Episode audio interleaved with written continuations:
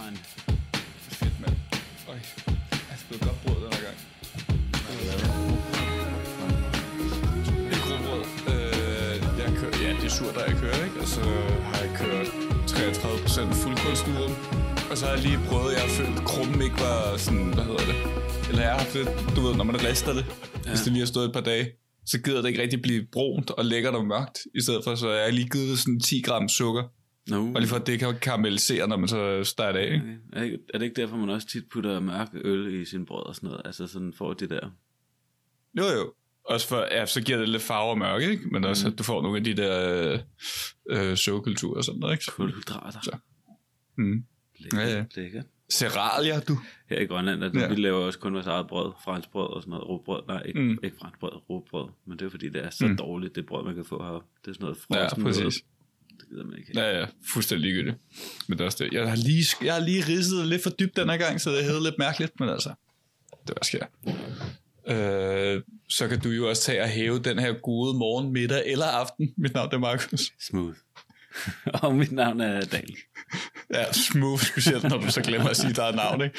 Du lytter til Fuld Plade Podcast, musikprogrammet, hvor mig og Daniel går igennem, hvad vi mener er de 42 bedste udgivelser nogensinde inden for musikken. Vi har taget hver vores liste med, og vi er simpelthen i gang med at færdiggøre hele projektet her på første sæson. Det er sindssygt. Sidste uge talte vi om Violet fra Depeche Mode. I denne uge, der har Daniel taget Division Bell af Pink Floyd med. Albummet, han mener, er det bedste nogensinde. Øh, alt hvad vi siger, det er vores meninger og vores holdninger. Vi har sat os rigtig godt ned i det, og virkelig gravet hullet en lille smule dybere med et par spadestik. Men det er fedt.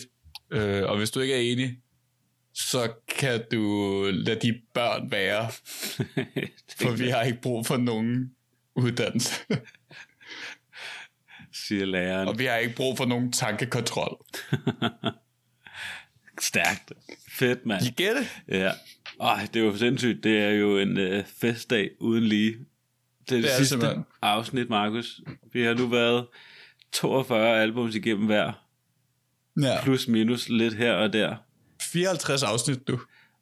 Over 100 timers musikhistorie. Ja. Nu er vi nået til enden af sæson 1 af fuld plade. Det synes jeg er fuldstændig latterligt. Jeg vil Jeg synes, det er kogt, hvis jeg skal være helt ærlig. Da vi startede med det her projekt for et halvandet år siden, der tænkte jeg, okay, det bliver rigtig sjovt, og så, øh, så kan det være, at det lige kører i, i 10 afsnit, og så sådan, åh, det har vi ikke tid til, og så Ja. Dør det her. Og så døde det. Ja. Det skete ikke. Nu sidder man her. Nu sidder vi færdig. Kommer til at snakke om det bedste album, der nogensinde er lavet. The Division Bell. Det er fedt. Ja, ja, ja, ja. Men er der andet? Skal vi snakke om noget andet? Inden kører det standard? Jamen, jeg skulle til at spørge, har du, øh, har du lyttet til noget andet, eller har du bare været helt nede i det pinke hul? Eller, det, den tager jeg tilbage. Har du været helt nede i Pink Floyd? Okay. Det skal du ikke sige igen, nej. Øh, nej, altså to ting. Altså, der var jo Eurovision i går, hvis man er til sådan noget der. Nå ja. Øh, hvor Sverige, som altid, går hen og vinder, fordi at det er Sverige, og de bare laver musik. Meget Jättebra. ufortjent.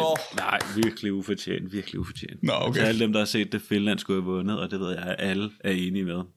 De havde Okay. en virkelig latterlig sang, hvor man danser sådan, og så synger man cha cha cha. Finland er bare geniale i Eurovision. Ja, de gør det faktisk, de, de er ret originale generelt, det vil jeg gerne kan give. sige. Øh, men ellers så tror jeg kun, at det er det andet album, som bliver udgivet efter syv års habitus. Så kommer den ukendte kunstner tilbage. Nå ja, ja, selvfølgelig. Det har jeg Ej, det havde jeg også Lyttet til.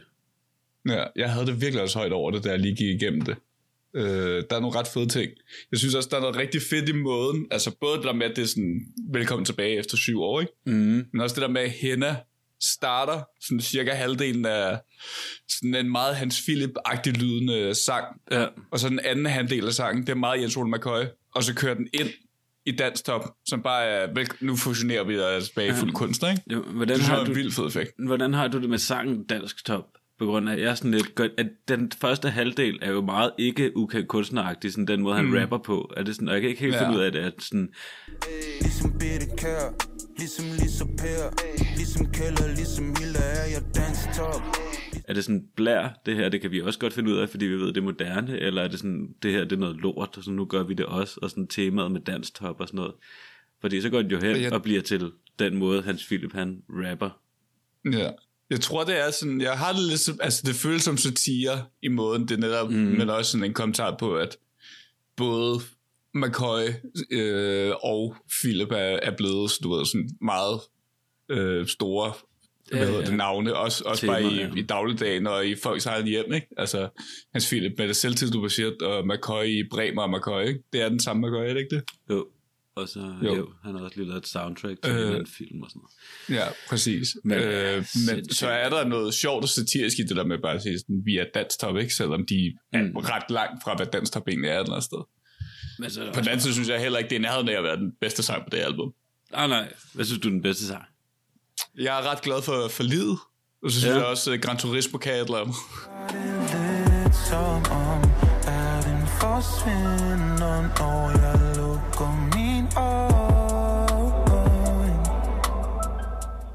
Ja, jeg kan godt lide kærlighedssangen Uden dig. Den synes jeg Ja. er, er lækker. Og så faste lavn. Hvad er det? Der- Hvad er det? Er det Gran Turismo, eller hvad er det første lav, der har sådan det der total Astroworld-agtige beat? Øh, Altså, det lyder bare som noget fra Travis Scott's Astroworld. Ja, faste lavn har den der, hvor det starter med nogle lyde og sådan noget, og så slutter det med Ja. selvfølgelig faste lavn sangen. Øh, Jeg tror ikke, det er det, jeg tænker på. Nå, anyway. Ja. Ja, men øh, klart en øh, kæmpe anbefaling. Ikke deres bedste album, men det er rigtig godt. Nej, men det, det er dejligt, det er et øh, glædeligt gensyn, vil jeg sige. Og så i morgen, så må de godt lige annoncere, at det er dem, der skal lukke arena på, på Roskilde Festival. Ja. Let's hear about that. Har du andet? Os andet? Øh, jamen, jeg tror jo, vi talte, da vi afsluttede afsnittet sidste gang, og talte om, hvad for noget Pink Floyd, man skulle lytte til, så Mm. Tog jeg lige en beslutning, og sagde sådan, jeg går lige ned i prog fordi jeg gerne vil lytte til lidt mere Yes, og lidt mere King Crimson. Mm. Øh, så det har jeg gjort, udover at jeg lyttet til rigtig, rigtig meget Pink Floyd den her uge. Uh, Øh, god uge. ja, så Yes' øh, hvad hedder det? Fragile fra, hvor at The Roundabout er på at åbne, ikke?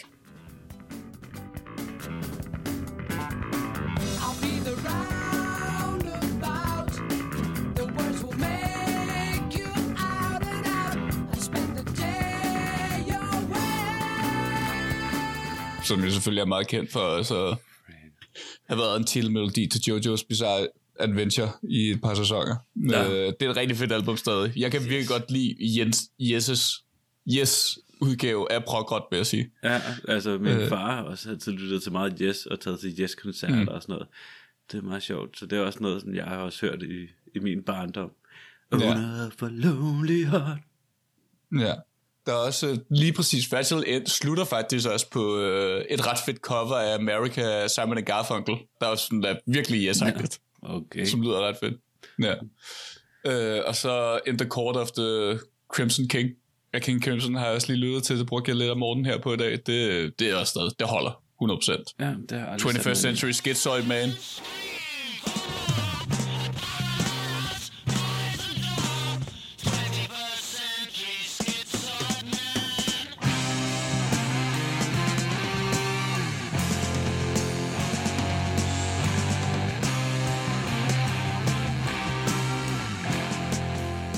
Super lækkert. i. Det godt være, jeg lige skal sætte mig ind i det. Ja. Det er meget, det, det er tre meget forskellige brands af det, vil jeg sige. Ja. King Crimson, det er virkelig ekscentrisk. Mm. Og yes, det er bare, hvis du virkelig godt kan lide bass, som jeg godt kan lide, så er det bare yes. Så er det bare yes til yes. Jeg har den, jeg har den på til yes. nice. Alright, gode anbefalinger. Ja. Kan jeg sgu meget godt lide. Skal vi komme i gang? Ja, Daniel, skal vi hoppe ned i det? Lad os øh, ikke hoppe ned i det pink hul. Men øh, lad os snakke om Pink Floyd. Og lad os snakke om deres 14. album, The Division Bell. Ja. Og nu er jo, det er jo mit nummer et album nogensinde.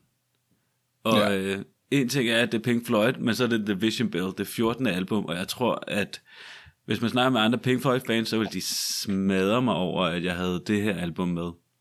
Jeg vil, gerne, jeg vil gerne give dig en lille anekdote, fordi jeg stødte ind i og snakkede med øh, min kære overbo og lytter Heidi den anden dag. Mm. Øh, der var så sådan, jeg vil glæde mig til at lytte om uh, Depeche Mode. Og så sagde jeg, ja okay, ja, øh, fedt. Du skal også glæde til at lytte til næste afsnit. Øh, Daniel har Pink Floyd med. Og så spurgte hun sådan, okay, ja, fedt, han med? Så sagde jeg, det er The Vision Bell. Og jeg tror, jeg så reelt hende, hende tabe øh, munden øh, af hagen, og hendes øjne slog helt op, og hun var sådan, fucking Division Bell. altså, det er et godt album, men Men det, er alt andet. Ja, og det er jo det. Det er jo ikke helt et uh, Pink Floyd-album på den måde. Fordi det, Det er er, mere David Gilmour-album, det ikke? Men er altså, David Gilmour-album, men det er også derfor, det er fedt.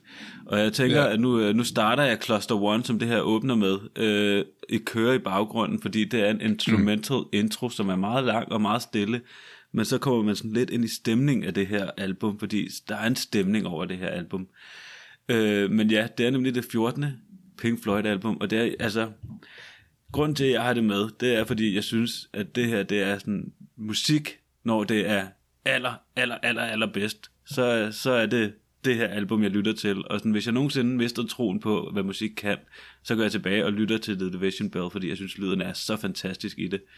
Og det, er sådan, mm det starter med det her Cluster One, hvis man, jeg ved ikke, hvor højt det kan høres, men kan du høre den her baggrundslyd her? ja. Det skulle åbenbart være solar waves, altså sådan nogle solbølger. Lyden, der kommer Nå. ud af det. Øh, Jeg ved ikke, hvad det skal betyde for albummet, men jeg elsker den måde, at man sådan stille og roligt bare bliver sat ind i, i stemningen mm. til The Division Bell.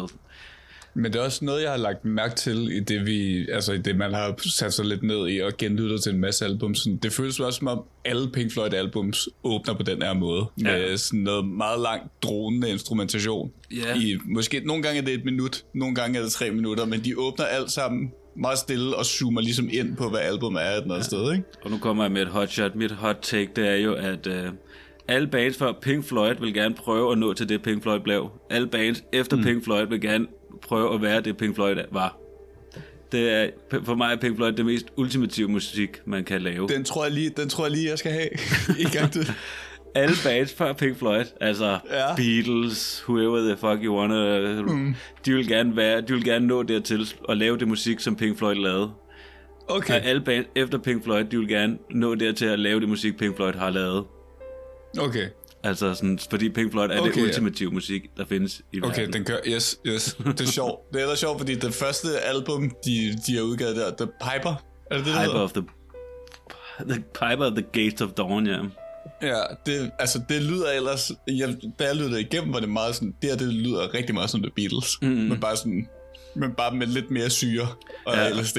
Men altså, den piker jo på uh, Dark Side of the Moon. Og det er også derfor, jeg siger, det her Der er... var en. Det er også derfor, jeg siger, at... Uh, hvad siger du?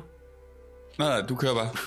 Det er også derfor, jeg siger, at alle Pink Floyd band, eller fans, de ville have, at jeg havde The Division Bell med, fordi at der er jo, der er jo nogle af de største albums igennem verdenshistorien, som The Wall, Dark Side of the mm. Moon, Wish You Were Here, og så har jeg taget The mm. Division Bell med, som bare er, øhm, som bare er nemlig er det andet album uden Roger Waters. Så det er et, øhm, så det er et øh, Nick Mason og øhm, og så keyboard øh, åh, hvad er det nu han hedder? Han hedder øh, Key, Richard øh, White. og så David Richard White, Gilmour, som har lavet det Ja. her album. Så det er det andet Ja. album uden, øh, uden den helt store karakter i Pink Floyd også, som er øh, skal Roger også- Waters. Jeg står også og tænker på, altså Cluster One er selvfølgelig en ting, men der er jo også sådan noget som uh, Why Won't You Talk To Me, Pulls Apart og Maroons og sådan noget. Jeg får lidt følelsen af, at det her album, altså det kan godt være mig, der bare fejltyder jeg læser, men er det lidt en kommentar på Roger Waters sådan afbræk? Det tror jeg helt klart, vi øh, også kommer ind længere til, især når vi skal høre øh, Poles Apart. Så Ja. øh, der, øh, For der, der er noget i det. teksterne, altså man må, man må give sådan, det kan godt være, nu kan jeg ikke lige huske, hvem der er, der plejer at skrive Pink Floyds tekster, men hvem end der har skrevet teksterne på det her album, har altså også gjort. Altså der er nogle virkelig gode mm. stykker, Det er synes David jeg. Og- Gilmour. Ja, og det er virkelig, altså virkelig velskrevet, og tager virkelig også op i en højere enhed på mange punkter, men der er også virkelig den der følelse af, okay, der er nogen, der virkelig har såret dig, eller som bare ikke er i dit liv lige nu på den der måde, Ja. men som stadig er, er til stede på en eller anden måde, ikke? Og, og så bare lyden, altså nu kører Cluster One stadig i baggrunden, og, og lyden er bare så lækker. Og altså, mm. jeg tror måske, hvis jeg skulle være forelsket i noget materialistisk, så ville det være lyden af David Gilmours guitar. meget smukt. smukt. øh, men det er også, altså det er virkelig også lækker produceret, øh, det må jeg give. Der er sådan, nogle gange kan det godt blive lidt, hvad hedder det? Lidt for standard, føler jeg. Det, man kan godt mærke, det her album, det har ikke sådan nogle af de der unikke træk, der er ved nogle af de andre What? albums, men Ja, men, men, men, men, men, jeg føler stadig, at det er virkelig veludført, og altså, nu er det også Bob Ezrin, der har produceret det selvfølgelig, så mm. det er måske også derfor, at det også lyder så dejligt, som det gør. Øhm, men det kan bare et eller andet, og der er også, altså, niveauerne er virkelig velafstemte, ikke? Jo, Så lige præcis. Lyden er bare så sprød. Mm. Altså, igennem hele Der lige albumet. ja, der er lige akkurat den mængde guitar, der skal være, og den mængde bass, der skal være, og keyboard, der skal være, og den mængde trommer, der skal være. Det er det, jeg siger. Pink Floyd laver perfekt musik. Måske ikke Ja. så perfekt, at det bliver kedeligt, eller ikke kedeligt, men at det bliver, øh, det bliver for godt. Det bliver måske også, det er også det, fordi jeg tror, det, det, det jeg har med det her, er måske også sådan, og måske også bare Pink Floyd generelt, er også bare sådan, det kan godt blive lidt for farrocket på en eller anden måde. Nej. Ved du, hvad jeg mener? Stop. Det kan godt blive lidt for sådan... Øl, ølvommen hænger sådan lidt ud Nej. under, sky, Nej, under, stop. under Markus. og man står med sin plastikkop foran, foran Og nu sætter vi næste sej øh, på til Stille Vibes. Det gider jeg ikke høre på. og så, øh, så lader vi lige Cluster One løbe ud, og så går den direkte over i What Do You Want From Me, som øh, vi nok skal lade være med at snakke over. Ja, tak.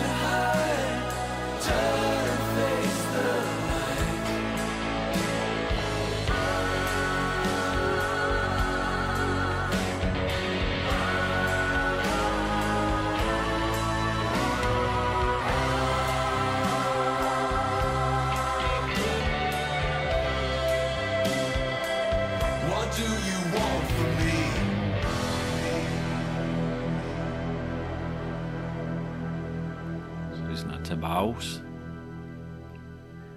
Det var What Do You Want From Me af Pink Floyd fra albumet The Division Bell fra 1994. Skide lækker. Ja, altså, jo, jeg, altså jeg kan godt give dig lidt ret i, at vi har gang i det, Det ultimative, det ultimative farrock. Altså per definition, jeg kan, kender ikke en mand over 50, der godt kan lide øl og går med briller, der ikke kan lide Pink Floyd. Altså, Ja, det lyder som mig. Ja, men det er jo også, altså det er jo også der, jeg skulle til at sige, det, jeg har fået det igennem modermælken, men det er jo igennem Ja. en eller anden, det er jo igennem alle, øh, det er jo igennem min far, jeg har fået Pink Floyd, så det, det, det er jo 100%, patriarkiske gen, der kører videre. det Ikke? er jo 100% rigtigt, altså det er jo 100, mm. alt ære til min far, det er ham, der har givet mig Pink Floyd, og det er det, der har siddet ved, og jeg husker bare, at jeg sad på mit børneværelse, og sådan, så lyttede jeg til Pink Floyd, fordi jeg også fundet ud af, at det var et ret stort band, og min far, der bare kom ind ad døren sådan lidt, du lytter til Pink Floyd, knægt? Godt klar. Og så er sådan lidt, tak skal du have. Mand. så det har også bare Ja. siddet ved, og min søster er også kæmpe Pink Floyd-fan, og sådan, så det er virkelig øh, der, det også kommer mm. fra. Men det er også, altså når jeg siger farrock, så mener jeg det helt. Jeg mener det ikke på en ond måde. Altså det er, men det er det, det er. Det er altså, det er. Og det, og det er det på den rigtig gode måde, og det er også, altså der er også virkelig gode ting i det, og der er gode holdninger, og der er rigtig god lyd, og meget, og så er det jo også eksperimenterende. Altså det er jo ikke ligesom fucking Dave Matthews band, eller et eller andet, hvor det bare, lad os bare køre det samme lort om og om igen og igen. Ikke? Altså, The Eagles, øh, altså andre, Ja, ja, ja, præcis. andre sådan forholdsvis rockede ting, der kan Pink Floyd jo bare så meget mere, fordi det så er virkelig også specielt. Mm. Og de er heller ikke bange for at prøve noget nyt af, ikke? Altså det er også nej, det, jeg føler, altså, altså, man man kan- giver det kan. Altså, jeg har hørt en podcast, hvor de kalder det det ultimative undergrundsband, eller det største undergrundsband, fordi det stadig Ja. er sådan undergrundsagtigt, fordi der er stadig så meget psykedelisk lyd og sådan noget inden over det. Og, og, så, og så er det stadig et band, der har nemlig farrocken og har så mange fans i hele verden. Ja. Altså, Dark Side of the. Moon er stadig et af de bedst sælgende albums nogensinde. Mm. Det er noget med, at hver 12. person i verden har Dark Side of the Moon stående derhjemme. Det lyder rigtigt nok. Det er Ja. ja. forståeligt nok. ja. Er, der, er der noget mere historie omkring det album, du kan give videre? Ja, men det vigtigste, man skal huske, det er helt klart, at Roger Waters, som er den anden del af det, man... Eller, Pink Floyd er jo, er jo mange ting. Men da Det det, starter jo med Gilmore og Mason, gør det ikke det? var Gilmore, Mason, Richard White, som også er med, Ja. ja. keyboardisten, og så Sid Barrett er dem, der starter det. Ja. Så det starter Ja, uden det uh, David Gilmore. Uh, og det kommer vi også ind på i anden time, men uh, Sid Barrett, han går jo hen og bliver rigtig syg, altså mentalt mm. uh, ustabil, og bliver nødt til at blive smidt ud af bandet, og så får man David Gilmore ind. Så det er Sid Barrett, Nick Mason, David Gilmore og Roger Waters, der udgør Pink Floyd igennem sådan den hele den store tid, ikke? Mm. Så sker der ja. alt muligt, og, øh, og så, øh, så stopper Pink Floyd, men der er så nogen, der får lov til at fortsætte, som er David Gilmore og Nick Mason, der får lov til at fortsætte i navnet Pink Floyd. Ja. lige så får Richard Wright med ind på, øh, på det her album. Så det er, mm. det, der er også gennemsyret af det her album, det er, at der ikke er Roger Waters. Så det er ikke The Wall, vi lytter til lige nu. Det er Nej, nej, nej. David Gilmore. Øh, Ja. Apropos, så kan det være meget godt, at så kan vi høre øh, Poles Apart nu, fordi den tekst handler mm. nemlig meget om det. Øh, han har selv været ude og udtale David Gilmore, at det ikke helt er det, men altså, okay, prøv at lytte til den her tekst, og så sige det ikke er det, hvor Mm. at den første vers, det skulle handle om Sid Barrett, øh, hvor det andet vers, det skulle handle om, øh, om Roger Waters, og den starter mm. også, andet vers starter med Hey You, som er sådan en, Ja. til, som også er en ting, der er på The Wall. Øh, Ja. Så sådan, det, er, det er jeg ret sikker på, at det er det, det handler om, og hele hans forhold mm. til dem.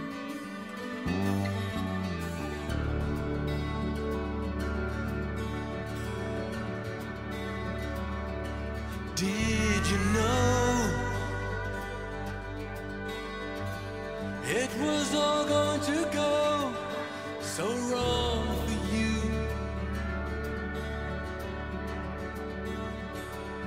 And did you see it was all going to be so right for me?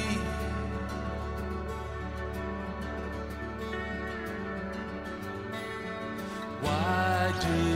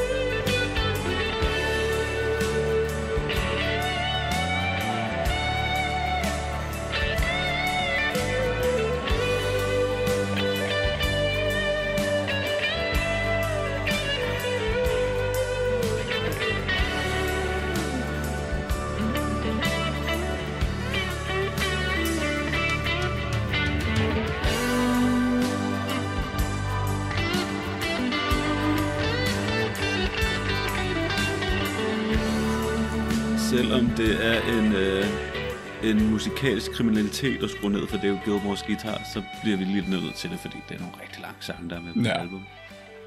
Det her, det er jo... Jeg sagde det også til dig, sådan der, hørt. det, det er nok mit platoniske ideal, at sang. Altså, der, der, Det der må har du lige hele- forklare lidt mere, tror jeg. Jamen, det har bare, det har alle de ting, jeg gerne vil have. Sådan en god tekst, der rammer ind. Tjek. Lidt fingerspil guitar. Fedt. En, noget lækker bas her på sådan en, en, øh, en båndløs bas, så man lige får de der... Tjek. Der er et godt mellemstykke, der, der er god lyd, det er godt produceret, det, øh, det har det hele. Det er det, jeg siger. Altså, alle før Pink Floyd vil være Pink Floyd, alle efter Pink Floyd prøver at blive Pink Floyd. Jeg tror, jeg gik rundt, og jeg tror, jeg mener faktisk, at jeg fæ- fældede en tårer lige, da jeg lyttede til den her sang, fordi jeg bare Yes. sådan, hold da op. Stærkt, Markus, det er jeg glad for Ja. at høre. Øh, ja, Pose Apart er også helt klart øh, et af mine højdepunkter. Og øh, jeg er enig. Altså, den kan, den kan det hele, og den mm. er bare, det er bare så lækker en lyd. Altså, mm. det lyder bare så hjernedødt godt.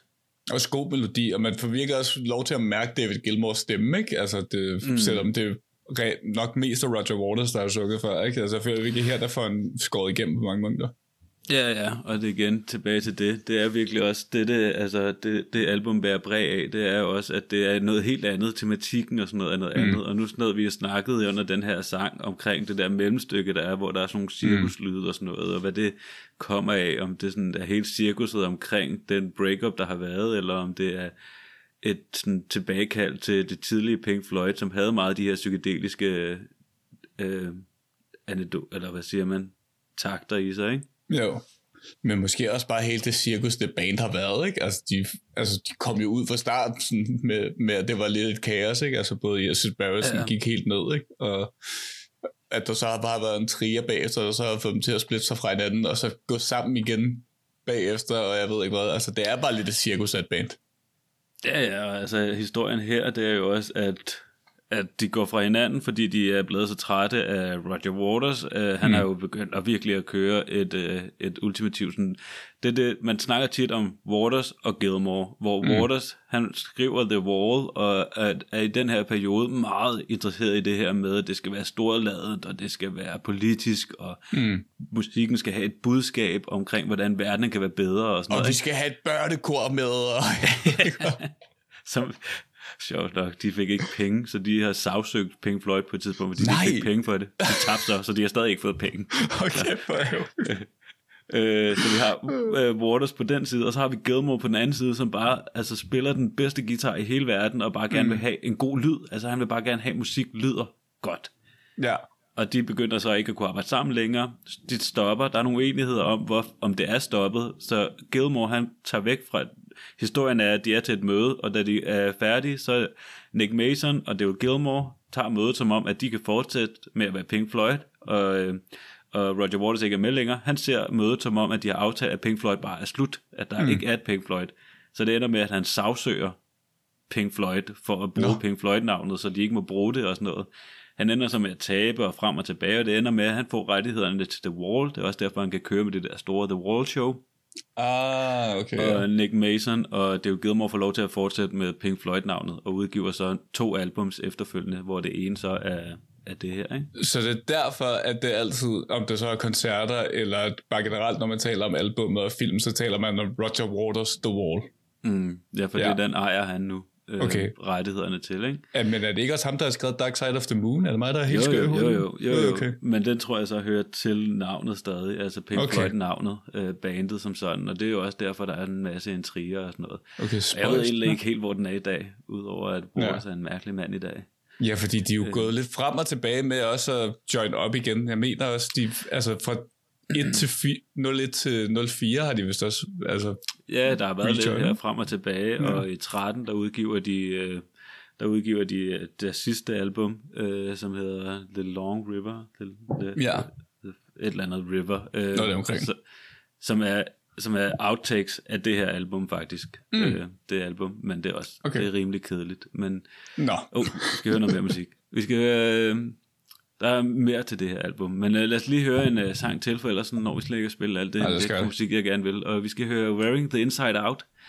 Øh, også meget øh, Pink Floyd sang, synes jeg faktisk. Don't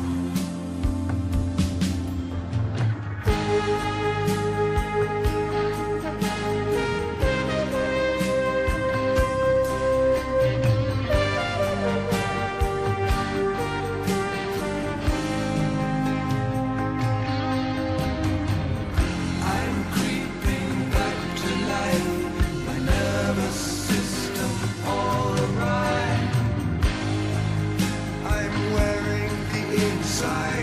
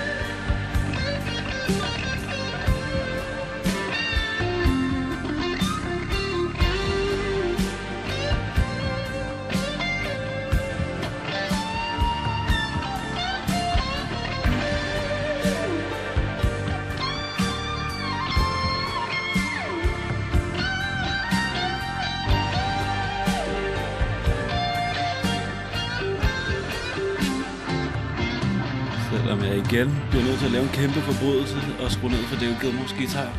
Så øh, Men jeg må også sige, hvis der er et, et band, hvor at vi bliver nødt til at korte ind i sangene, selvom det er den fedeste del, så skulle det også være Pink Floyd. Altså når skulle det man, måske lige være Pink Floyd, ja. når man enten laver sange, der er sådan 6 minutter lange, eller deler sin sang op i fem bidder, der er alle sammen er 3 minutter lange. Altså så, Ja, eller sådan, som de plejede at gøre, et album, hvor den første side bare består af én sang, og den anden side så består af nogle andre sange. ja, ja, ja. Genialt. Ap- apropos, det kan vi nok godt tale om i et andet time, eller så. Ja. Øh, det her, det var Rowing the Inside Out, som er en sang skrevet og øh, sunget af Richard Wright.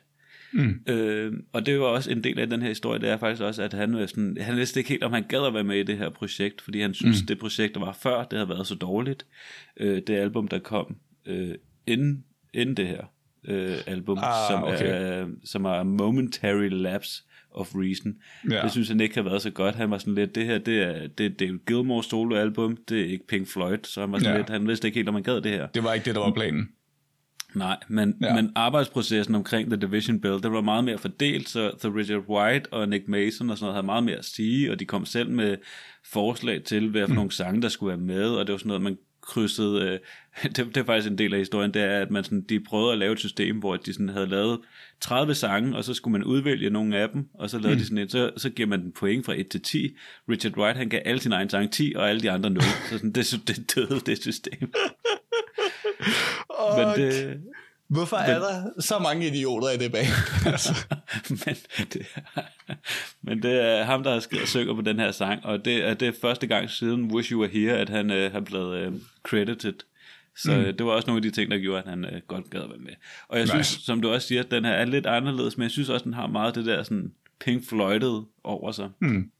Ej, det har helt klart sådan, man får lyst til at tænke tilbage på nogle af de lidt mere stille punkter på øh, både The Wall, men også Dark Side of the Moon, ikke? Ja, lige præcis. Ja. Eller, eller bare metal, for den sags skyld, ikke? Altså, det, mm. det kan man også godt mærke i det. Øh, Jeg synes måske også, det, det også en sejt, der sådan, jeg soler lidt ud til, og måske keder mig lidt til, i forhold til det her Ja. album. Men altså, Men det er jo fordi, det er et soundscape, Markus. Det, ja, ja, det er et landskab. Det er et lydlandskab, bro. det, det, det er ikke musik, det er lyd. Nej, det er bare, det er sådan en følelse, ikke? Altså, det er bare en fornemmelse, der bliver omsat til et sonisk element, som jeg bare slapper af til, altså. Ja, det kommer af, at vi under den her sang snakkede om, at uh, The Endless River, som det hed, det sidste Pink Ja. Floyd album, det er, det er cuts fra det her, som ikke kom med på det her, men det er bare kun instrumentals, og som David Gilmour siger, det er, det, det er et soundscape. Det er ikke et øh, album. nej, det, det, Det er ikke et album. Åh, kæft noget prætentiøst lort at sige, mand. Men En, anden, en, øh, en, en fjerde person, der har været meget med ind over det her album, mm. det er Polly Samson, som er David Gilmours kone. Mm. Hun har været med til at skrive flere sange, for eksempel What Do You Want From Me og uh, High Hopes, som vi skal slutte af på uh, mm. lidt senere. Uh, så hun har faktisk også været en del af det her. Og nu skal vi høre uh, Coming Back to Life, hvor vi før havde uh, et rent uh, Richard Wright. Så Coming Back to Life, det er kun Gilmore. Det er Gilmore, mm. der har skrevet det. Det er Gilmore, der spiller øh, lyden. Og, øh, det er, så det er det Coming Back to Life, som handler om hende der øh, Polly, som jeg lige har snakket om, hans kone, og hvordan han, hun fik ham yes. Yes. ind på rette spor. Yes.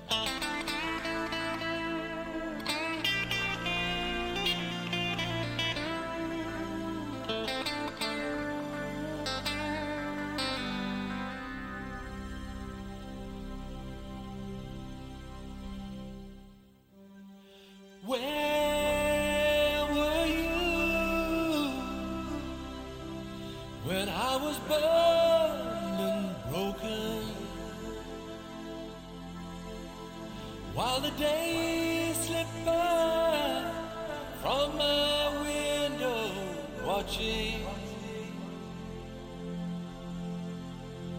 And where were you? When I was hurt and I was helpless Cause the things you say and the things you do surround me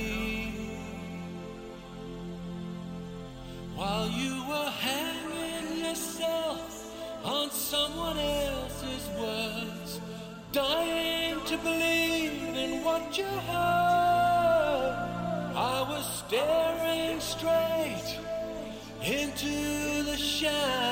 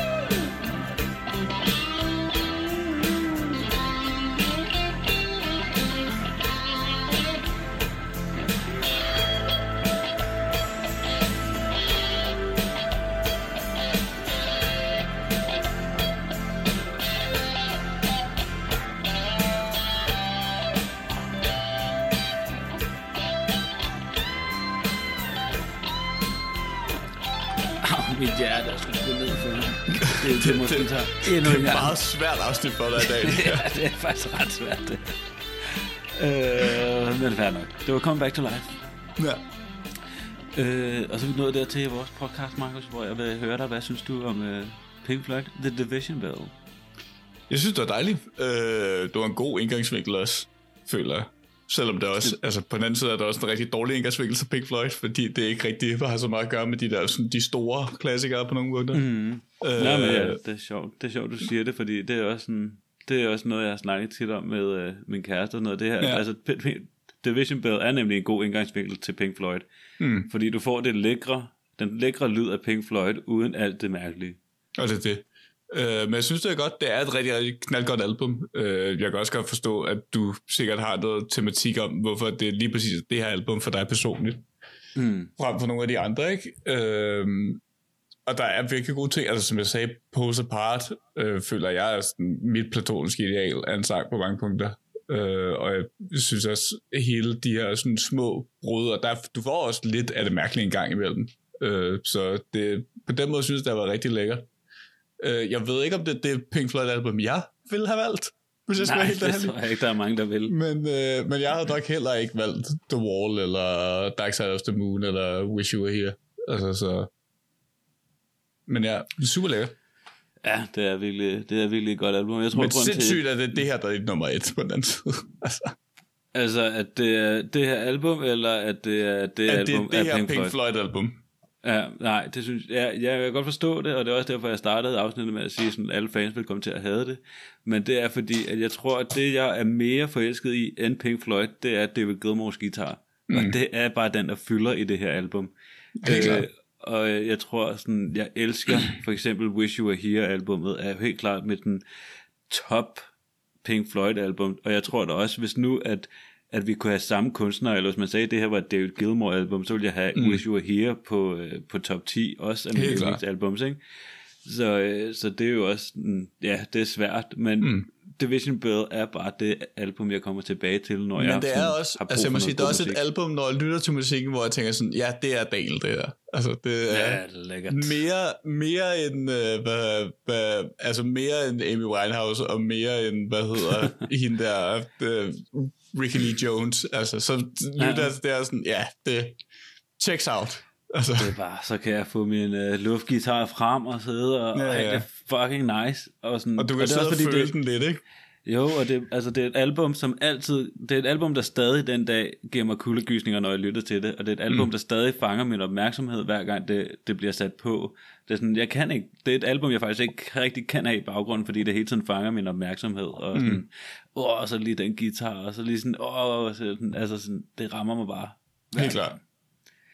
Øh, og så skal vi slutte af med uh, High Hopes, som er hittet fra, der er ikke noget hit på det her album. Jeg skulle også til at Øh, sige, er der singler for det her album? men øh, hvis, man, øh, hvis man går ind i sådan noget øh, Reddit, øh, bedste Pink Floyd sang nogensinde og sådan noget, så High Hopes kommer faktisk forholdsvis tit med i fanbasen over bedste sang, øh, som, øh, som, ja, som en nogle af de bedste Pink Floyd sange. Okay, så det er ikke helt skørt at have det her album med. Jo, jo, jo, det er det. Det er det 100%. Men High der, er, der, er er, der, er, der er stadig, der, er, altså sådan, det er også her, hvor David Gilmour får segmenteret, at det stadig kan noget Pink Floyd. Altså, okay. Okay. at det ikke bare er, er David Gilmour. Så det er mest bare fansene, der er sådan, fuck Division Bell, fuck det Gilmore-projekt, High Hopes er fed, der må godt blive, fuck det.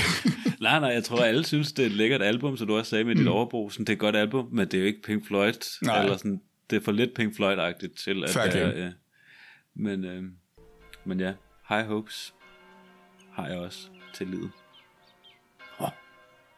Nå, okay, det er den. Jeg var, jeg var i tvivl, om det var min kirke, der ringede på klokkerne, eller om det bare var... Ja, kan man også blive lidt forvirret over. Ja. Men det er også noget, det kan jo. Altså, det er også der, hvor den her er nok mere Pink Floyd, fordi den bruger de der ting. Altså, Jo, jo.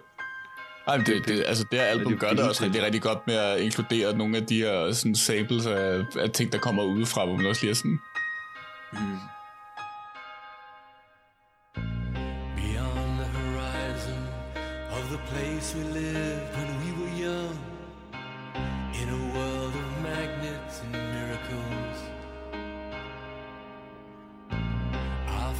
penetrate constantly and without boundary. The ringing of the division bell had begun.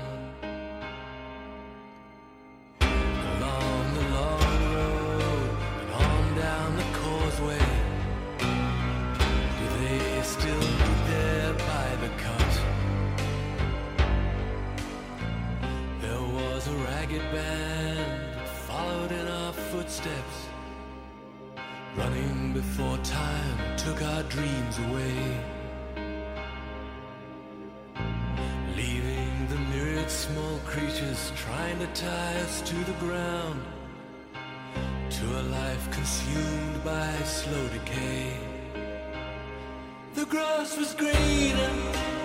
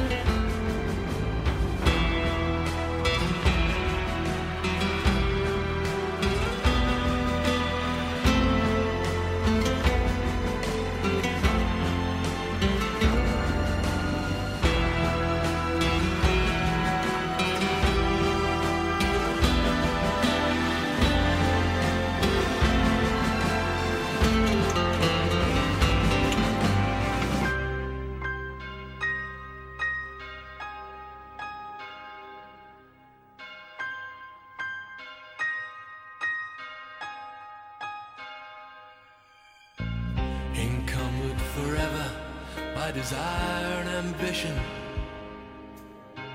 There's a hunger still unsatisfied.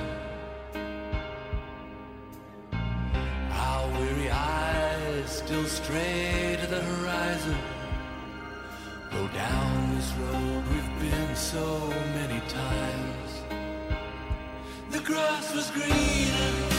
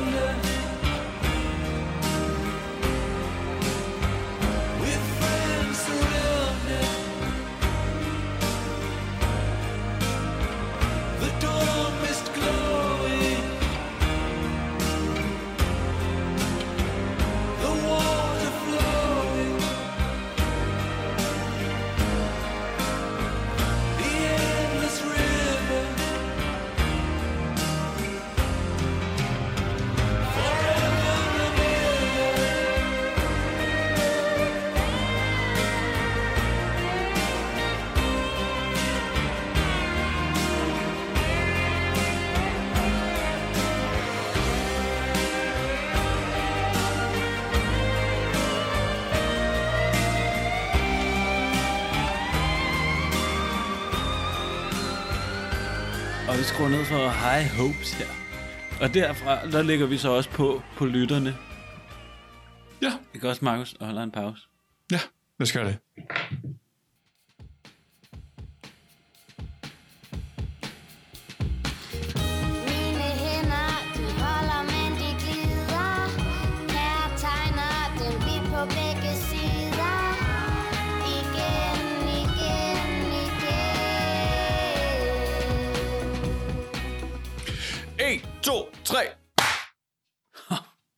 På, du. Lige på, jeg kunne slet ikke høre det klap. Det var meget mærkeligt at se. Det var jeg fordi, på det var så in sync. Bam. Det fordi, det er mig? NSYNC med. Nå, It's gonna, you get it. Det skal yeah, være mig. Ja, jeg get it. Sjov. Velkommen tilbage til Fuld Plade, øh, programmet, hvor Daniel og Markus går igennem, hvad de mener er de 42 bedste udgivelser nogensinde. Øh, vi har taget hver vores liste med. Vi er i gang med at færdiggøre det. Vi er snart færdige. Vi er faktisk færdige. Der er Vi ikke er faktisk færdige. Når du, når du lytter til det her, så er vi faktisk færdige. Nå, men også, vi har jo Øh, gennemgået alle albumene nu. Ja, Daniel har, lige, øh, Daniel har lige gået igennem The Division Bell fra Pink Floyd, øh, som han mener er det bedste udgivelse nogensinde, og nu kommer han til at give os lidt mere baggrundsinfo om nogle af de andre album, så det kommer vi til at lytte til en masse andet lækker musik.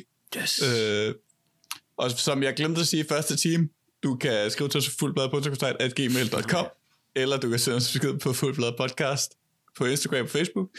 Øh, eller du kan give os fem stjerner på Spotify, give os fem stjerner på Apple Music, give os fem stjerner på Buzzsprout, give os fem stjerner på Google Play, whatever you want. Ja, true. Altså, så vil jeg bare gerne lige sige, inden du fucker podcasten op med en quiz, så, øh, så vil jeg sige, det har været en fornøjelse. Fornøjelse at lave øh, så mange gode afsnit og høre så meget god musik. Ja, det er, sket. det er skønt at have øh, og se, at der er altså kommet så mange lyttere. Altså, både de nye og de gamle, der har fulgt os med i det her meget lange sæson. Øh, men det er et godt projekt. Jeg håber, at folk vil blive ved med at lytte til det og dele det med, husk at dele det med en ven. For Ja. helvede. Dal, vi har jo altid en quiz med Men, øh, men her i anden time. Det, det har jeg faktisk i dag, og jeg tænkte, nu er det jo det sidste afsnit. Det er den sidste quiz i noget tid, og det er også dit nummer et album. Så jeg har selvfølgelig lavet en quiz, der passer meget i det. Er du klar? ja,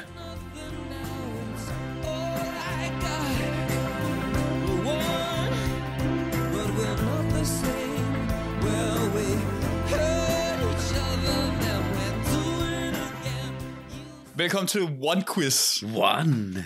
eller en quizzen. Det er det jo selvfølgelig One af YouTube. Øh, et band, du har haft med før. Det er rigtigt. Øh, Daniel, quizzen her er simpelthen, det er, ret simpelt. Og svar Jeg giver dig, jeg giver dig et ord Ja, fra en sang. Det allerførste ord, der bliver sunget, og så skal du gætte, hvad sangen er, og hvem for en kunstner det er. okay, det lyder sjovt. Øh, så altså, et, et eksempel på det her kunne jo være, hvis jeg spillede dig det her, Somebody hvad vil du så gætte for øh, et band, det var? Er? Øh, Shrek, sound, Shrek 2 soundtracket øh, med All Stars og Somebody Once. Okay, to. hvis du kan, ja, endelig, altså hvis du kan albummet, så også gør det, I don't know. Men altså, så spiller jeg jo selvfølgelig, hvad for en sang der er, som er. Somebody once told me the world is gonna roll me. I ain't the sharpest tool in the shed. Så ja, så det er sådan, det er. Jeg har ni øh, sange med til dig, Daniel. Er du klar på den her quiz? Ja, det tror jeg. Spiller du lyden, eller siger du bare... Jeg spiller der, jeg spiller der. Okay, spændende. Fedt. Jeg glæder Ja, ja, mig. Jeg er klar. Godt. Kom mit. Øh, første spørgsmål, Daniel. Det lyder sådan her. Det er... Ja, Kære. Øh, og det er Susan Himmelblå med Kim Larsen. Lad os høre, om det er rigtigt.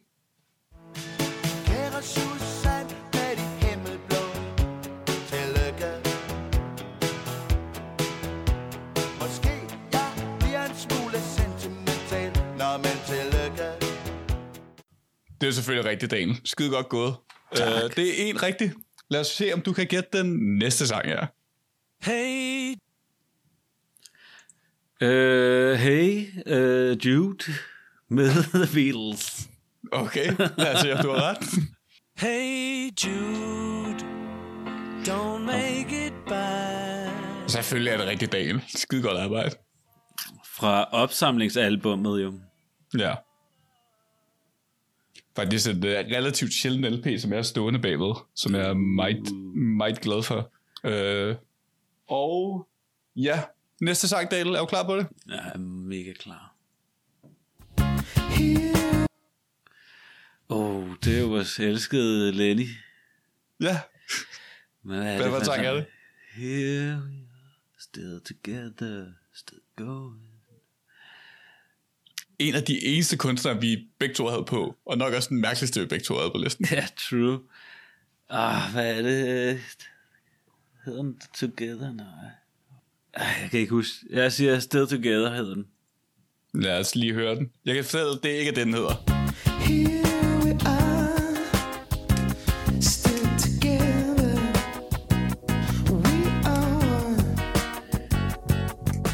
Det er It Ain't Over Till It's Over. It Ain't Over. Damn. Øh, men det er Lenny Kravitz, det har du meget ret i. Øh, lad os se, om du kan den næste del. Øh, den her er lidt... Det er faktisk to ord, du får her, hvis jeg ikke tager helt fejl. Fordi at det ene ord, der var med, var simpelthen så kort, at det var fuldstændig umuligt for mig at klippe det ud. Og også for dig at gætte det, tror jeg. Nå. Men lad os se, om du kan. okay. Kan jeg få den igen? Ja, det kan du tro, du kan. Lad mig lige skruet tilbage. Den er faktisk et ord. Der er lige et par, der er to sange her, hvor at du får to ord, og så tre Ja. ord på den sidste. Det lød Bare som, and, der bliver sagt der. det lød som noget Simon Garfunkel. Det kunne godt være Simon Garfunkel. Uh, America. Mm, det er ikke America, men lad os høre, hvad det er. Nej! Damn, det burde jeg skulle have hørt.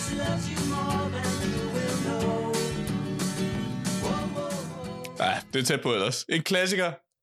Og egentlig lavet til et soundtrack. Hvad er det nu for en sang, der er lavet? Hvad for en film, der er sang, der er lavet til? Ah, det kan jeg ikke huske. Det snakker vi om i podcasten. Ja, vi taler lidt om, om det i det afsnit, du var med. Øh, her er sangen, hvor der er to øh, ord med. Men lad os se, om du kan høre den. I've been... Classic. Hello. Det er Hello med, uh, ikke Adele, men med Lionel Richie. Lionel Richie. Det er selvfølgelig dagens. Lad os lige høre. I've been alone with you. Inside my mind. Hæft, en god flødebold, han er. And in my dreams, I faded lips a thousand times. Det er selvfølgelig Hello med Lionel Richie. Øh, Dale, næste sang her. Lad os se, om du kan den her. Det bliver lidt spacey, men det er på dansk. Hold da op, må jeg lige få den igen? Ja, det kan du tro.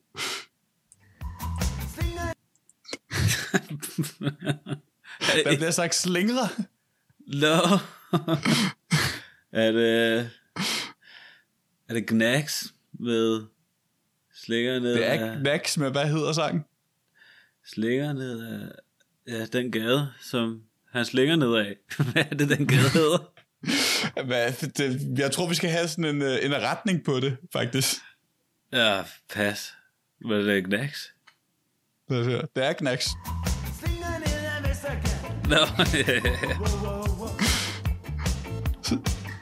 Slinger ned ad Vestergade.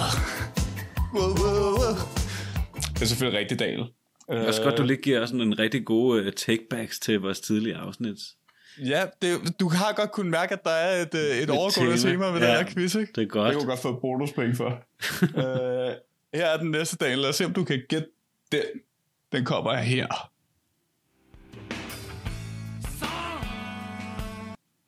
Ja, det, Det bliver sunget Son. Son. Son. Son. Audios, sl- audio Slave.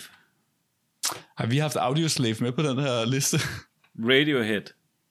Mm, vi har heller ikke haft Radiohead med på den her liste. Daniel.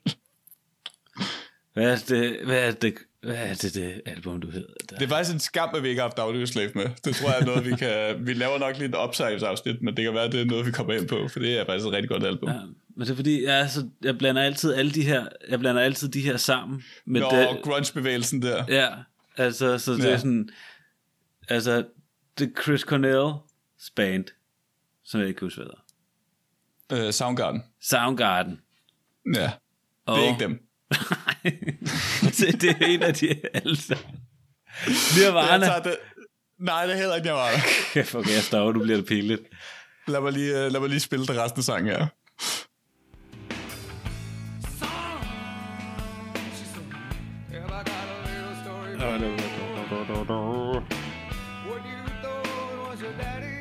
Have Eddie Vedder. Eddie Vedder, som jo selvfølgelig spiller i Pearl Jam. Øh, og som inspirerede hele nullerbølgen af rockbands til at synge ja. ligesom ham, hvilket er nok det, jeg hader ham allermest for.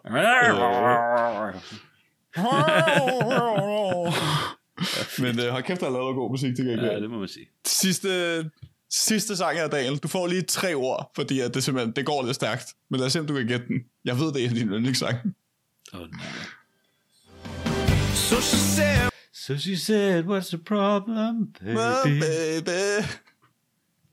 Øh, ja, ja, ja. Det er Hvad hedder det? Fake Yellow Taxi med øh, Counting Crows. Det er County Crows, men det er ikke Big Yellow Taxi. Du, du, du lavede faktisk en joke om det helt til at starte med. Hvad? Lad os høre, lad os høre, lad os høre sangen. so she said, what's the problem, baby? What's the problem? I don't know. Well, maybe I'm in love, love. Think love, about love. it every time I think about it. Can't stop thinking about it. Nå, Det er accident, Accidentally in Love fra Shrek 2 soundtracket af County Crows. Nej, det er full circle, man. Ja, full circle. Uh, skide godt, Dale. Det er, du fik tre rigtige plus det der bonuspring, så det er fire. Det kunne synes, godt have været det bedre. Det kunne godt have været bedre. Jeg synes, du klarede det godt til gengæld. Alright. Det. Tak for den. Den var sjov. Den kunne jeg godt lide. Årets sidste quiz. Uh. Ja, vildt nok. Nå, cool. Nu skal vi, øh, nu skal vi øh, Tilbage til Pink Floyd. dykke ned i Pink Floyd, ja. Yes. Øh, vi har været lidt inde over nogle af tingene, og vi skal nok egentlig bare hurtigt i gang med at spille noget musik. Øh, og jeg starter mm. med, at jeg, jeg går kronologisk igennem det, som vi har gjort før, men, øh, men også ikke helt alligevel. Det skal du nok finde ud af. Mm. Så vi starter helt tilbage i uh, The Piper at the Gates of Dawn, som er uden uh, David Gilmour, som vi lige har lyttet rigtig meget til, men til, med dengang Sid Barrett, som var, uh, som var sådan frontmanden. Altså, Pink Floyd har sådan tre forskellige perioder. De har en Sid Barrett-periode, de har en Roger Waters-periode, og så har de den her David Gilmour-periode. Men det der Sid Barrett-periode er ret kort, er den ikke? Er det ikke bare Jo, jo, det, det første album? Jo, og så lidt det andet. Øh, lidt det andet album også. Men øh, mm. det var her, det starter. Og øh, vi skal lytte til en sang fra The Piper of the Gates of Dawn fra øh, 67. Og det her, det er jo Pink Floyd, som jeg nærmest ikke kan lytte til, fordi det er så abstrakt. Altså, det er, mm. sådan, det er sådan noget psykedelisk, øh, meget mærkelig musik, vi har fat i her. Øh, Ja. Og vi skal lytte til sangen, der hedder Lucifer Sam, som er en øh, sang, som Barrett han har skrevet til sin kat. Øh, og det kan man Okay. tage, som, øh, tage, som man vil. As you do.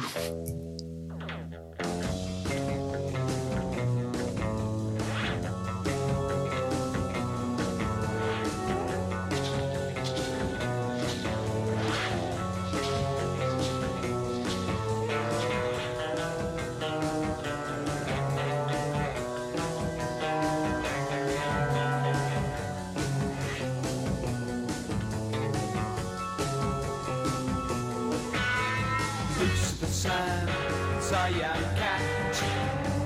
Always sitting by your side,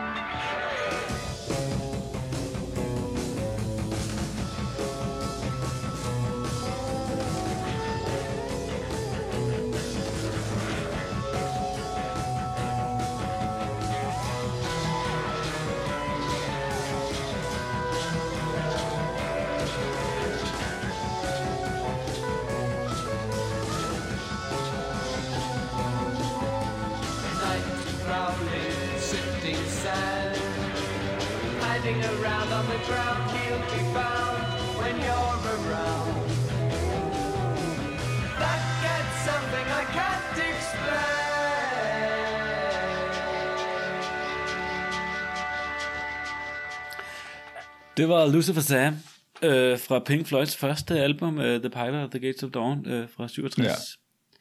Det er sjovt, det der med sådan, jeg tror, at da vi talte om det her, der sagde du, du vil nok godt kunne lide det, for du kan godt lide noget space musik. Jeg føl, det her album, tror jeg faktisk er et af de albums, jeg mindst kan lide fra Pink Floyd, efter at have det hele igennem. Okay. Nå, interessant. Fordi jeg føler ikke, det føles ikke rigtigt som Pink Floyd, hvis jeg skal være ærlig. Det føles som et album, der ikke helt kan beslutte sig, om det gerne vil være Magic Mystery Bus Tour af The Beatles, eller om det Ja. gerne vil være Jethro Tull. Ja, Altså, det, er sådan, okay. det, det er lidt det der mærkelige mellemstadie, hvor det, er sådan, det ved ikke helt, hvad det skal være, føler jeg. Ja, helt sikkert, men jeg tror, altså, der er mange, altså, jeg føler jo også lidt, nu sviner jeg lidt nogle Pink Floyd fans til, uh, de Pink Floyd fans, der siger, at de første sådan, fire album er nogle af deres yndlings, altså, de skal bare stoppe. Det er det. Det er tosset. Det er sådan, Det er okay, det er, sådan lidt, okay, jeg vil godt være lidt sejere end de andre, og derfor så har jeg de første Pink Floyd-plader med, fordi jeg bare sådan elsker at tage svampe og høre psykedelisk Jeg var musik. med til at starte med, mand. Jeg lytter bare til Jerry Garcia og Grateful Dead hele dagen, når jeg ikke lytter til Pink Floyd. Men, øh, men altså, Sid Barrett her, han, han er jo anerkendt som et af de største genier i musikhistorien, og det er, fordi han starter Pink Floyd her, som, mm. Og som på det her tidspunkt er så revolutionerende i deres lyd, og den her psykedeliske og inddragelsen af andre lyde og sådan noget. Altså, så han er jo meget anerkendt for det, han gør her i starten med, øh, med Pink mm. Floyd, og han er hovedmanden bag det, men altså, der er bare mærkelige sange også. Jeg, kan- altså, The Gnome, som bare handler om, at, at, at Sid Barrett, han havde taget så mange stoffer, at han sådan så en lille øh, dværg gå rundt og følge efter ham og sådan noget, og det har han skrevet en Ja, sang ja. om og sådan noget. Altså, det er bare super weird, men også meget fedt at dykke ned i, vil jeg sige. Det er interessant. I want to tell you a story about a little man, if I can. A gnome named Grimble Grumble. Øh, og ja, det er jo fordi, de kommer jo fra England. Øh, Pink Floyd mm. skaber det her band, de her fire gutter, som ikke er David Gilmour, men som er de fire andre. Mm. Øh, starter med at hedde, øh, øh, er inde over et navn, der hedder The Megadeths. Øh, ender på at hedde The T-Set. Mm. Øh, og så er de så til the, the T-set. The, the T-Set. Det, det er jo meget britiske. Nå, T-sættet. Undskyld, Ja, ja, selvfølgelig. De er super britiske, de her folk. jo, Ja, ikke? klar, Så, klar, øh, klar, klar. Øh, men øh, kommer så til en koncert og finder ud af, at der er et andet band, der hedder The T-Set. Og så, øh, og så er de sådan lidt, okay, Sid Barrett, han lytter så til øh, to bluesmusikere, som hedder Pink Anderson og Floyd. Jeg kan ikke huske, øh, det skal jeg nok lige finde ud af til senere. Men, mm. Så Pink Floyd, navnet består af de her øh, to bluesmusikere, som de så bare har sat ah. sammen. Og så hedder Så de... det er, Ja, det er Marilyn Manson-metoden simpelthen. yeah, I guess. Ja. Uddyb. Uh, Marilyn Manson fandt jo sit kunstnernavn, og det, der var en eller anden, der spillede under Marilyn Manson på et tidspunkt. Der er simpelthen to uh, navnet fra en kendt historisk figur, Marilyn Monroe, satte det sammen med en kendt seriemorder, Charles Manson. Okay, griner. Det, Det- there we go. Sjov historie. Men ja, så lidt det, ja. Der foregår her med The Pink. Og så i starten, der havde de uh, The Pink Floyd Sound, uh, og så senere bare uh, Pink Floyd. Ja, Uh, genialt navn på den måde. Uh, ja skide godt. Nu hørte vi noget af starten, og, og jeg springer så faktisk en masse albums over, fordi jeg gerne bare vil videre til det rigtig gode musik. Øh, øh, Så jeg spiller, jeg, jeg springer A Source of Secret, som også er, har Sid Barrett inde over sig. Inden Sid mm. Barrett, han så går hen og bliver øh, sådan mentalt skør af alle de stoffer. Ja. Sådan, han, han forsvinder fuldstændig. Så de bliver nødt til at smide ham ud af bandet. Altså han er ikke til at arbejde med, og han er, mm. er sådan rigtig nede i et hul. Så han bliver faktisk smidt ud af, af Pink Floyd, og det er så her i 68, hvor øh, David, øh, David Gilmour kommer ind, og så kommer Omagama, som øh, jeg synes er et mm. rigtig interessant øh, Pink Floyd øh, album, og så, øh, Ja. så kommer albummet med konen udenpå. Øh, Adam hedder, Hard Mother. ja, øh, så Lucille øh, 3 hedder kon, hvis man er interesseret okay. i, Okay. hvad kon hedder. Godt, good to know. Og så kommer Metal, som øh, er Tim Christensens yndlingsalbum. Og ved du hvad? Det vil jeg gerne give mig ret i. ja, er det rigtigt? Det er Ja, også da, jeg lyttede, altså, da jeg lyttede til det, der var jeg overbevist om sådan, det er det her. Hvis jeg skulle vælge Pink Floyd album, så havde jeg valgt metal. Mm. Lige med det samme. det kan jeg Jeg var godt forstå. forelsket i sekunder, jeg hørte Det kan jeg til godt. Og den har jo sangen Echoes, som bare fylder mm. hele den ene side mm. af albummet. Og Echoes, det er et, det er et mesterværk af, af lyde, mm. og, og hvordan man kan have lyd sammen, og en sang kan ændre sig og sådan noget. Det er 23,5 minut godt givet ud. Men det er også det, fordi du har sådan de der små sange på, på A-siden, som jo bare er fem numre, der er relativt korte, og så tager den bare den der kovending, der hedder sådan hele den anden side af én sang. Mm, så det er sådan, der er sådan, den lokker lidt ind, ind med simpliciteten, og sådan, om det er bare et normalt album, sådan, no, no, no, no, no. Ja, ja. Det er det ikke. True. Og metal er, øh, altså metal er der, hvor man siger, at Pink Floyd går fra det der meget psykedeliske til det Pink Floyd, som blev rigtig stort. Mm. Fordi det, der kommer efter, er Dark Side of the Moon. Og det er der, jeg Ja. så har taget en sang fra. Og jeg har så taget den sang, der hedder The Great Gig in the Sky, som også leger meget med, med lydene. Uh, the Great Gig in the Sky er jo... Uh, det, det er det, at man skal dø, og så kommer man op i himlen. Uh, og den Yes. måde, at de tager det her, det her tema på Dark Side of the Moon, og laver den her sang, som bare er en lang sang med en kvinde, der skriger, som lyder så godt. Det synes jeg er fuldstændig latterligt imponerende. Genialt.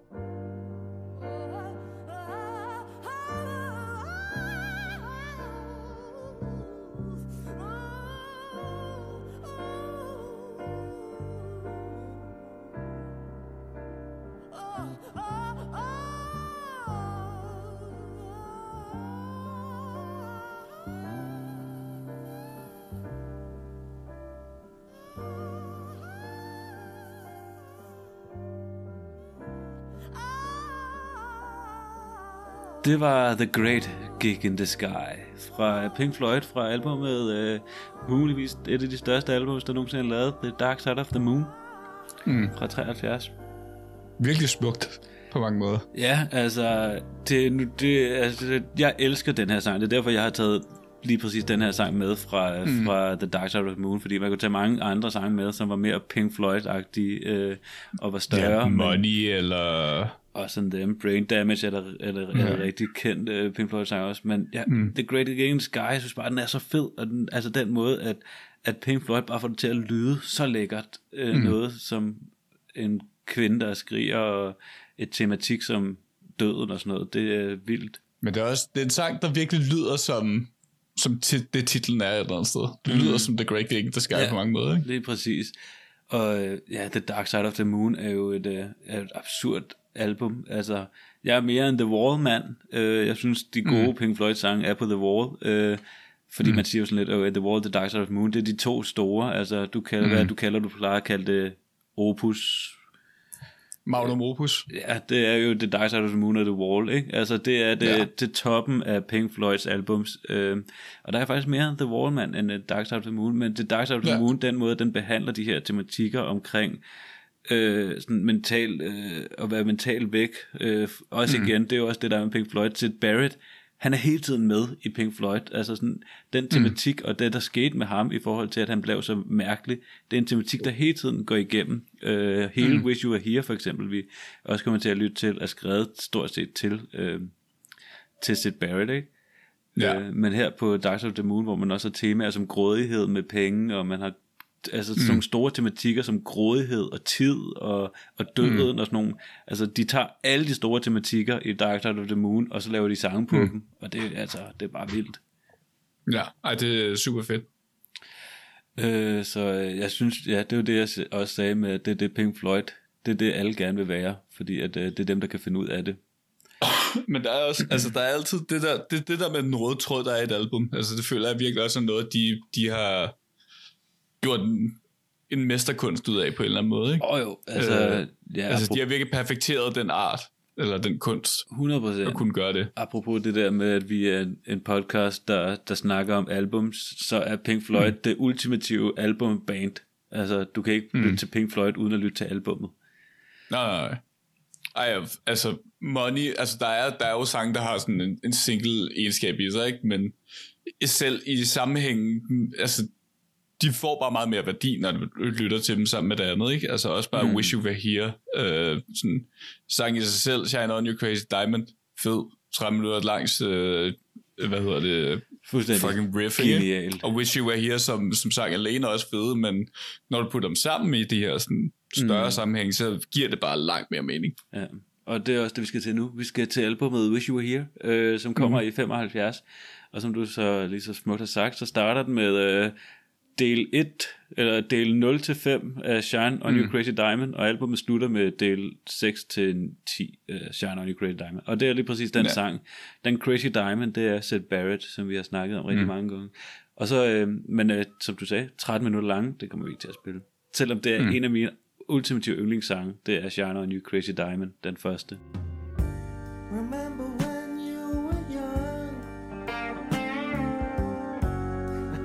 Shone like the sun. Shine on, you crazy diamond. Jeg er mere en, øh, jeg er mere en part 6-10, kan jeg. Du er også bare sådan en rigtig smart ass, du skal. uh, og Wish You Were Here er en af de få sange, jeg kan spille på guitar, fordi jeg elsker den sang. Uh, mm.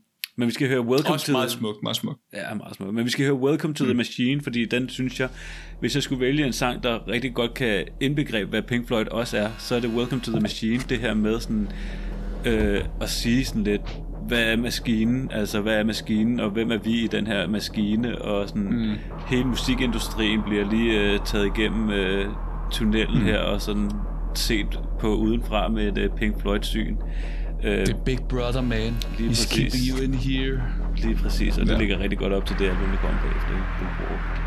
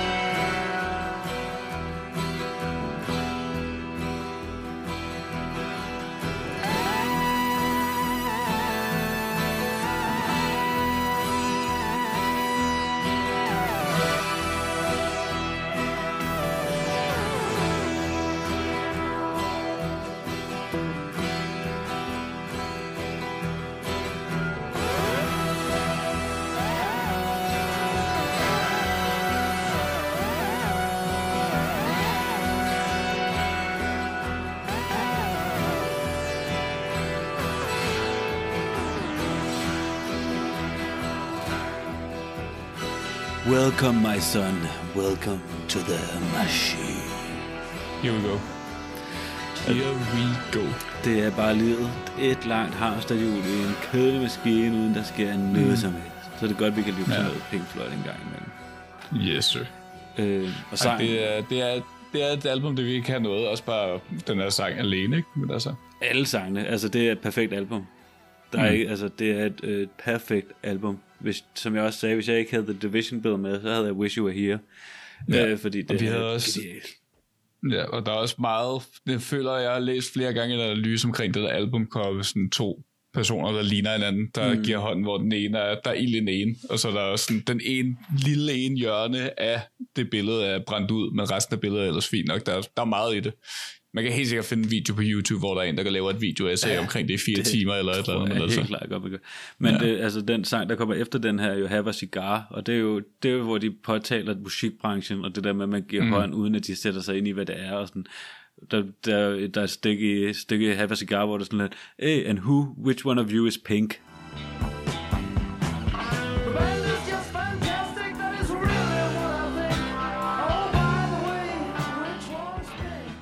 Øh, fordi at de Ja. bare ikke gider sætte sig ind i det. De vil bare gerne tjene Nej, penge, nej. ikke? Øh, Hvem er Pink, hvem er Floyd? ja, lige præcis. Ja. Men apropos albumcovers, øh, da jeg var lille, der sad jeg jo og rodede rundt i min fars øh, LP-plader, og jeg, det var som om, jeg altid fandt øh, Pink Floyds plader frem, på grund af, at de bare er gudsmukke, alle sammen. Mm. Elsker, Nej, der, der virker meget. altså det er, jo, det er jo de nærmest, det de er kendt for, det er jo deres LP-plader, fordi at, øh, Mm. eller øh, deres covers hedder det. Øh, Mm. Dark Side of the Moon er jo ikonisk. Øh, The Wall er jo ikonisk. Wish You Were Here mm. er ikonisk. Øh, Animals. Også Animals med fabrikken, der bare står, ikke? Ja, lige Øh, præcis. Ikonisk. Og, og altså sådan noget som Sourceful Secrets, som Metal og Obscured by Clouds, øh, som også er de her sådan meget bløde, mm. småpsykedeliske øh, cover, ikke? Altså, de, de kan et eller andet. Ja, og Adam Hot Mother med kon. Altså også det her med, at der står ikke rigtig noget på, øh, der står ikke rigtig noget på deres covers. Øh, altså sådan, der er bare et billede af det, og sådan, det er bare sindssygt sejt.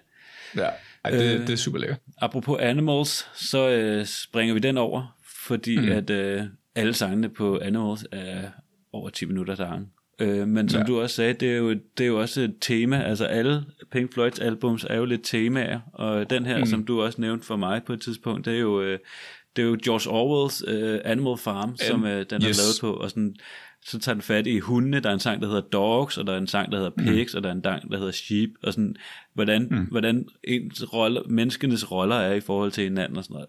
Ja, genialt. Ja, Ja, det- genialt.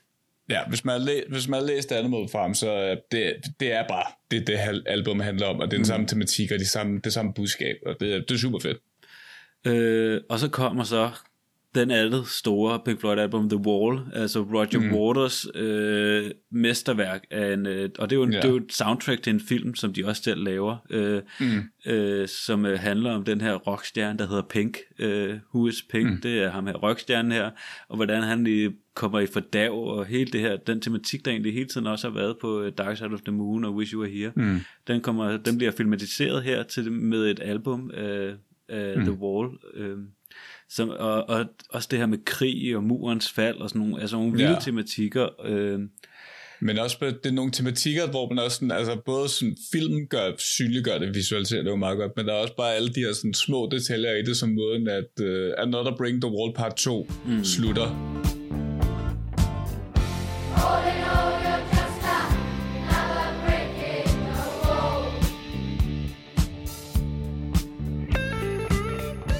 med det her, også med børnekoret og, og det hele, ikke? Og øh, det, er- det, det er den del, man, det er den sang, man kender fra det album, ikke? Og så går den direkte ind i Mother, hvor det bare er sådan, Mother, do you think they'll drop the bomb?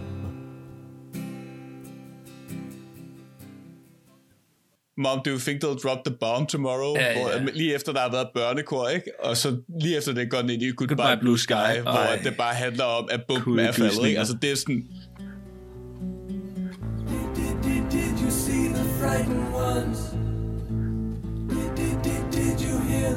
shit, de tre sange lige efter hinanden er sådan genialt. Ja, altså, ja, det giver det det så meget mening. Det, altså, det er for kuldegysninger bare at snakke om det. Altså, Goodbye Ja, ja, ja, Blue. Sky er så en, en hjerteskærende sang. Mama, Ja.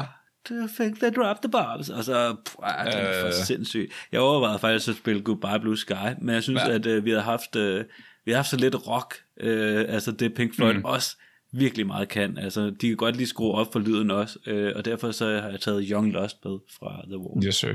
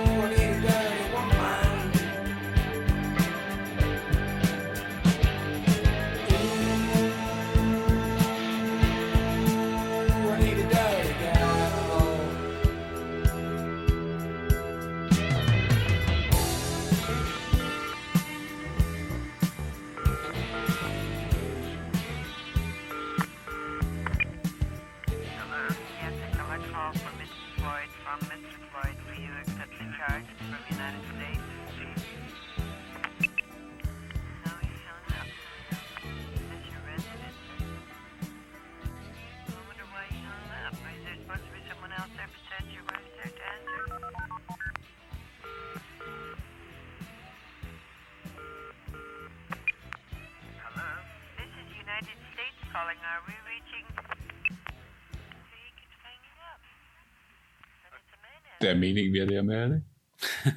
jo, jo. Den, ja, fordi øh, det var så øh, Young Lost, Der det. øh, som, i, øh, som i den her film på det her tidspunkt handler om, at øh, han er ude, og han er en rockstjerne, og han er ude, og der sker ting, og han har lyst og sådan noget, men øh, så derhjemme, så slutter den af på det her telefonopkald, hvor at han også finder mm. ud af, at sin, hans kone også er utro. Ja. Øh. Ej, meget det anbefal- anbefalesværdig film. Øh, Ja. Den er vildt interessant og lavet på en meget mm. sjov måde. Og, sådan, og hvis man, nu har jeg været inde og se Roger Waters The Wall showet, øh, hvor at han, han bruger de her karakterer, der er med i filmen, som er den her onde lærer med stokken, der slår eleverne, og, mm. og alt det her robotterne og sådan noget. Altså vildt interessant film, øh, Ja. som tager fat i også sådan, bare, det menneskelige øh, psyke. Men også bare sådan de, øh, ja, altså de, de visuelle elementer, men hvad fanden, jeg kan ikke huske, hvem det er, der har animeret det, men det er virkelig, øh, virkelig godt animeret, og mm. giver også sådan lidt, øh, man får lyst til at tænke lidt Monty Python-esk mm. Mm. i, øh, i måden, det bliver præsenteret på. Ja, det er sikkert også omkring samme tid, men uh, super, ja. altså super interessant, sindssygt album, uh, og sindssygt interessant film, så det vil jeg gerne helt klart anbefale, mm. hvis man godt kan lide Pink Floyd, se et filmen, hvis man ikke har gjort det. Ja. Øh, ja, og som sagt, det her, det var jo Roger Waters øh, kæmpe, kæmpe projekt her, og det er også det, vi snakkede om i sidste time, det er også ham, der får rettighederne til The Wall, øh, efterfølgende, øh, efter en masse retssager og sådan noget. Øh, efterfølgende, øh, fire år efter, så kommer de så med albumet The Final Cut, som er sådan lidt, vil gerne være The Wall, tage fat i det samme tematikker, bare ikke, gør mm. det bare ikke rigtig lige så godt, eller sådan. Nej. Så det, det er et album, jeg springer over. Og det er så også der, hvor at det er det sidste, det er det sidste Pink Floyd album af den fire, firsomhed, som, øh, som det er på det her tidspunkt, fordi øh, det, det ja, stopper fordi så efter. går, det over til, så går det over til David Gilmore, Mason og, og White, ikke? Jo, altså Jo. officielt kun Nick Mason og David Gilmore, øh, og så øh, er Wright, han er så også med indenover, men ikke officielt. Yes. Og de udgiver så øh, A Momentary Lapse of Reason, øh, et ret udskældt Pink Floyd album, øh, coveret af de her senge på stranden. Det er et meget mm. et album, jeg kan huske virkelig tydeligt fra, at jeg var lille og kigge på. Jeg synes, øh, jeg kan godt forstå det er udskilt, fordi det er ikke Pink Floyd. Altså, det er mm. meget David Gilmour øh, isk, øh, hvor at på The Division Bell finder de mere det der øh, Pink Floyd-agtige frem. Men jeg har Det bliver taget, lidt mere veludført i hvert fald. Ja. Det, det vil jeg give. men jeg har taget øh, sangen Learning to Fly, som er sådan lidt, jeg synes det er sådan lidt glemt Pink Floyd hit, som man glemmer Pink Floyd mm. har lavet, fordi jeg tror der er mange, der vil kunne genkende det.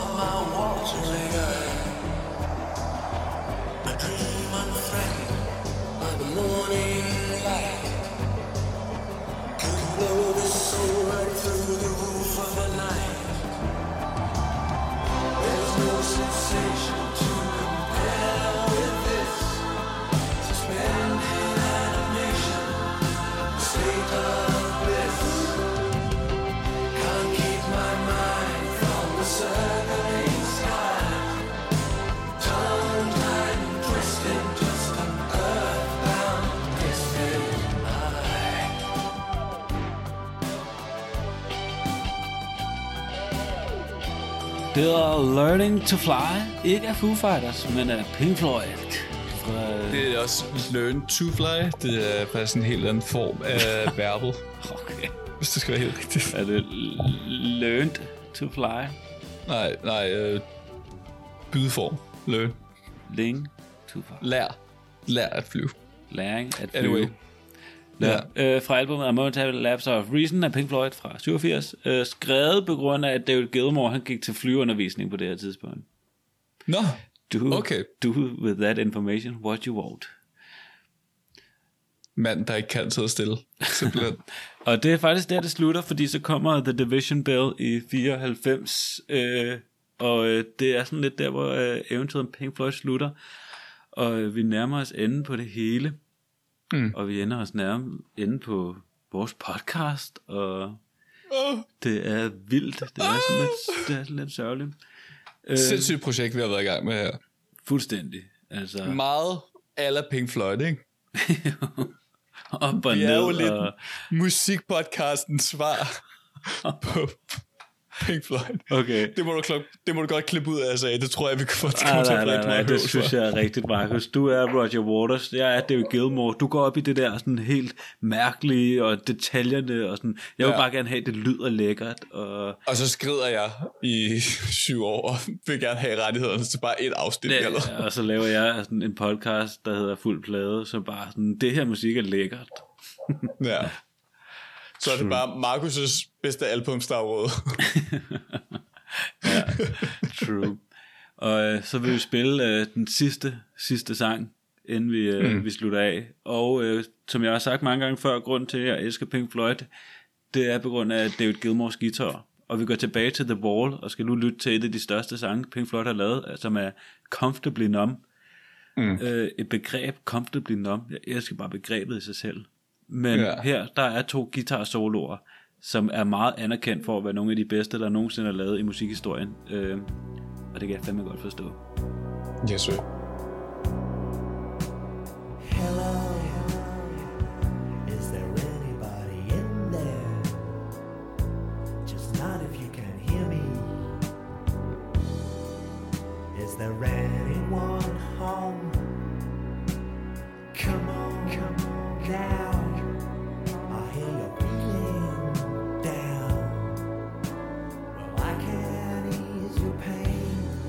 Well,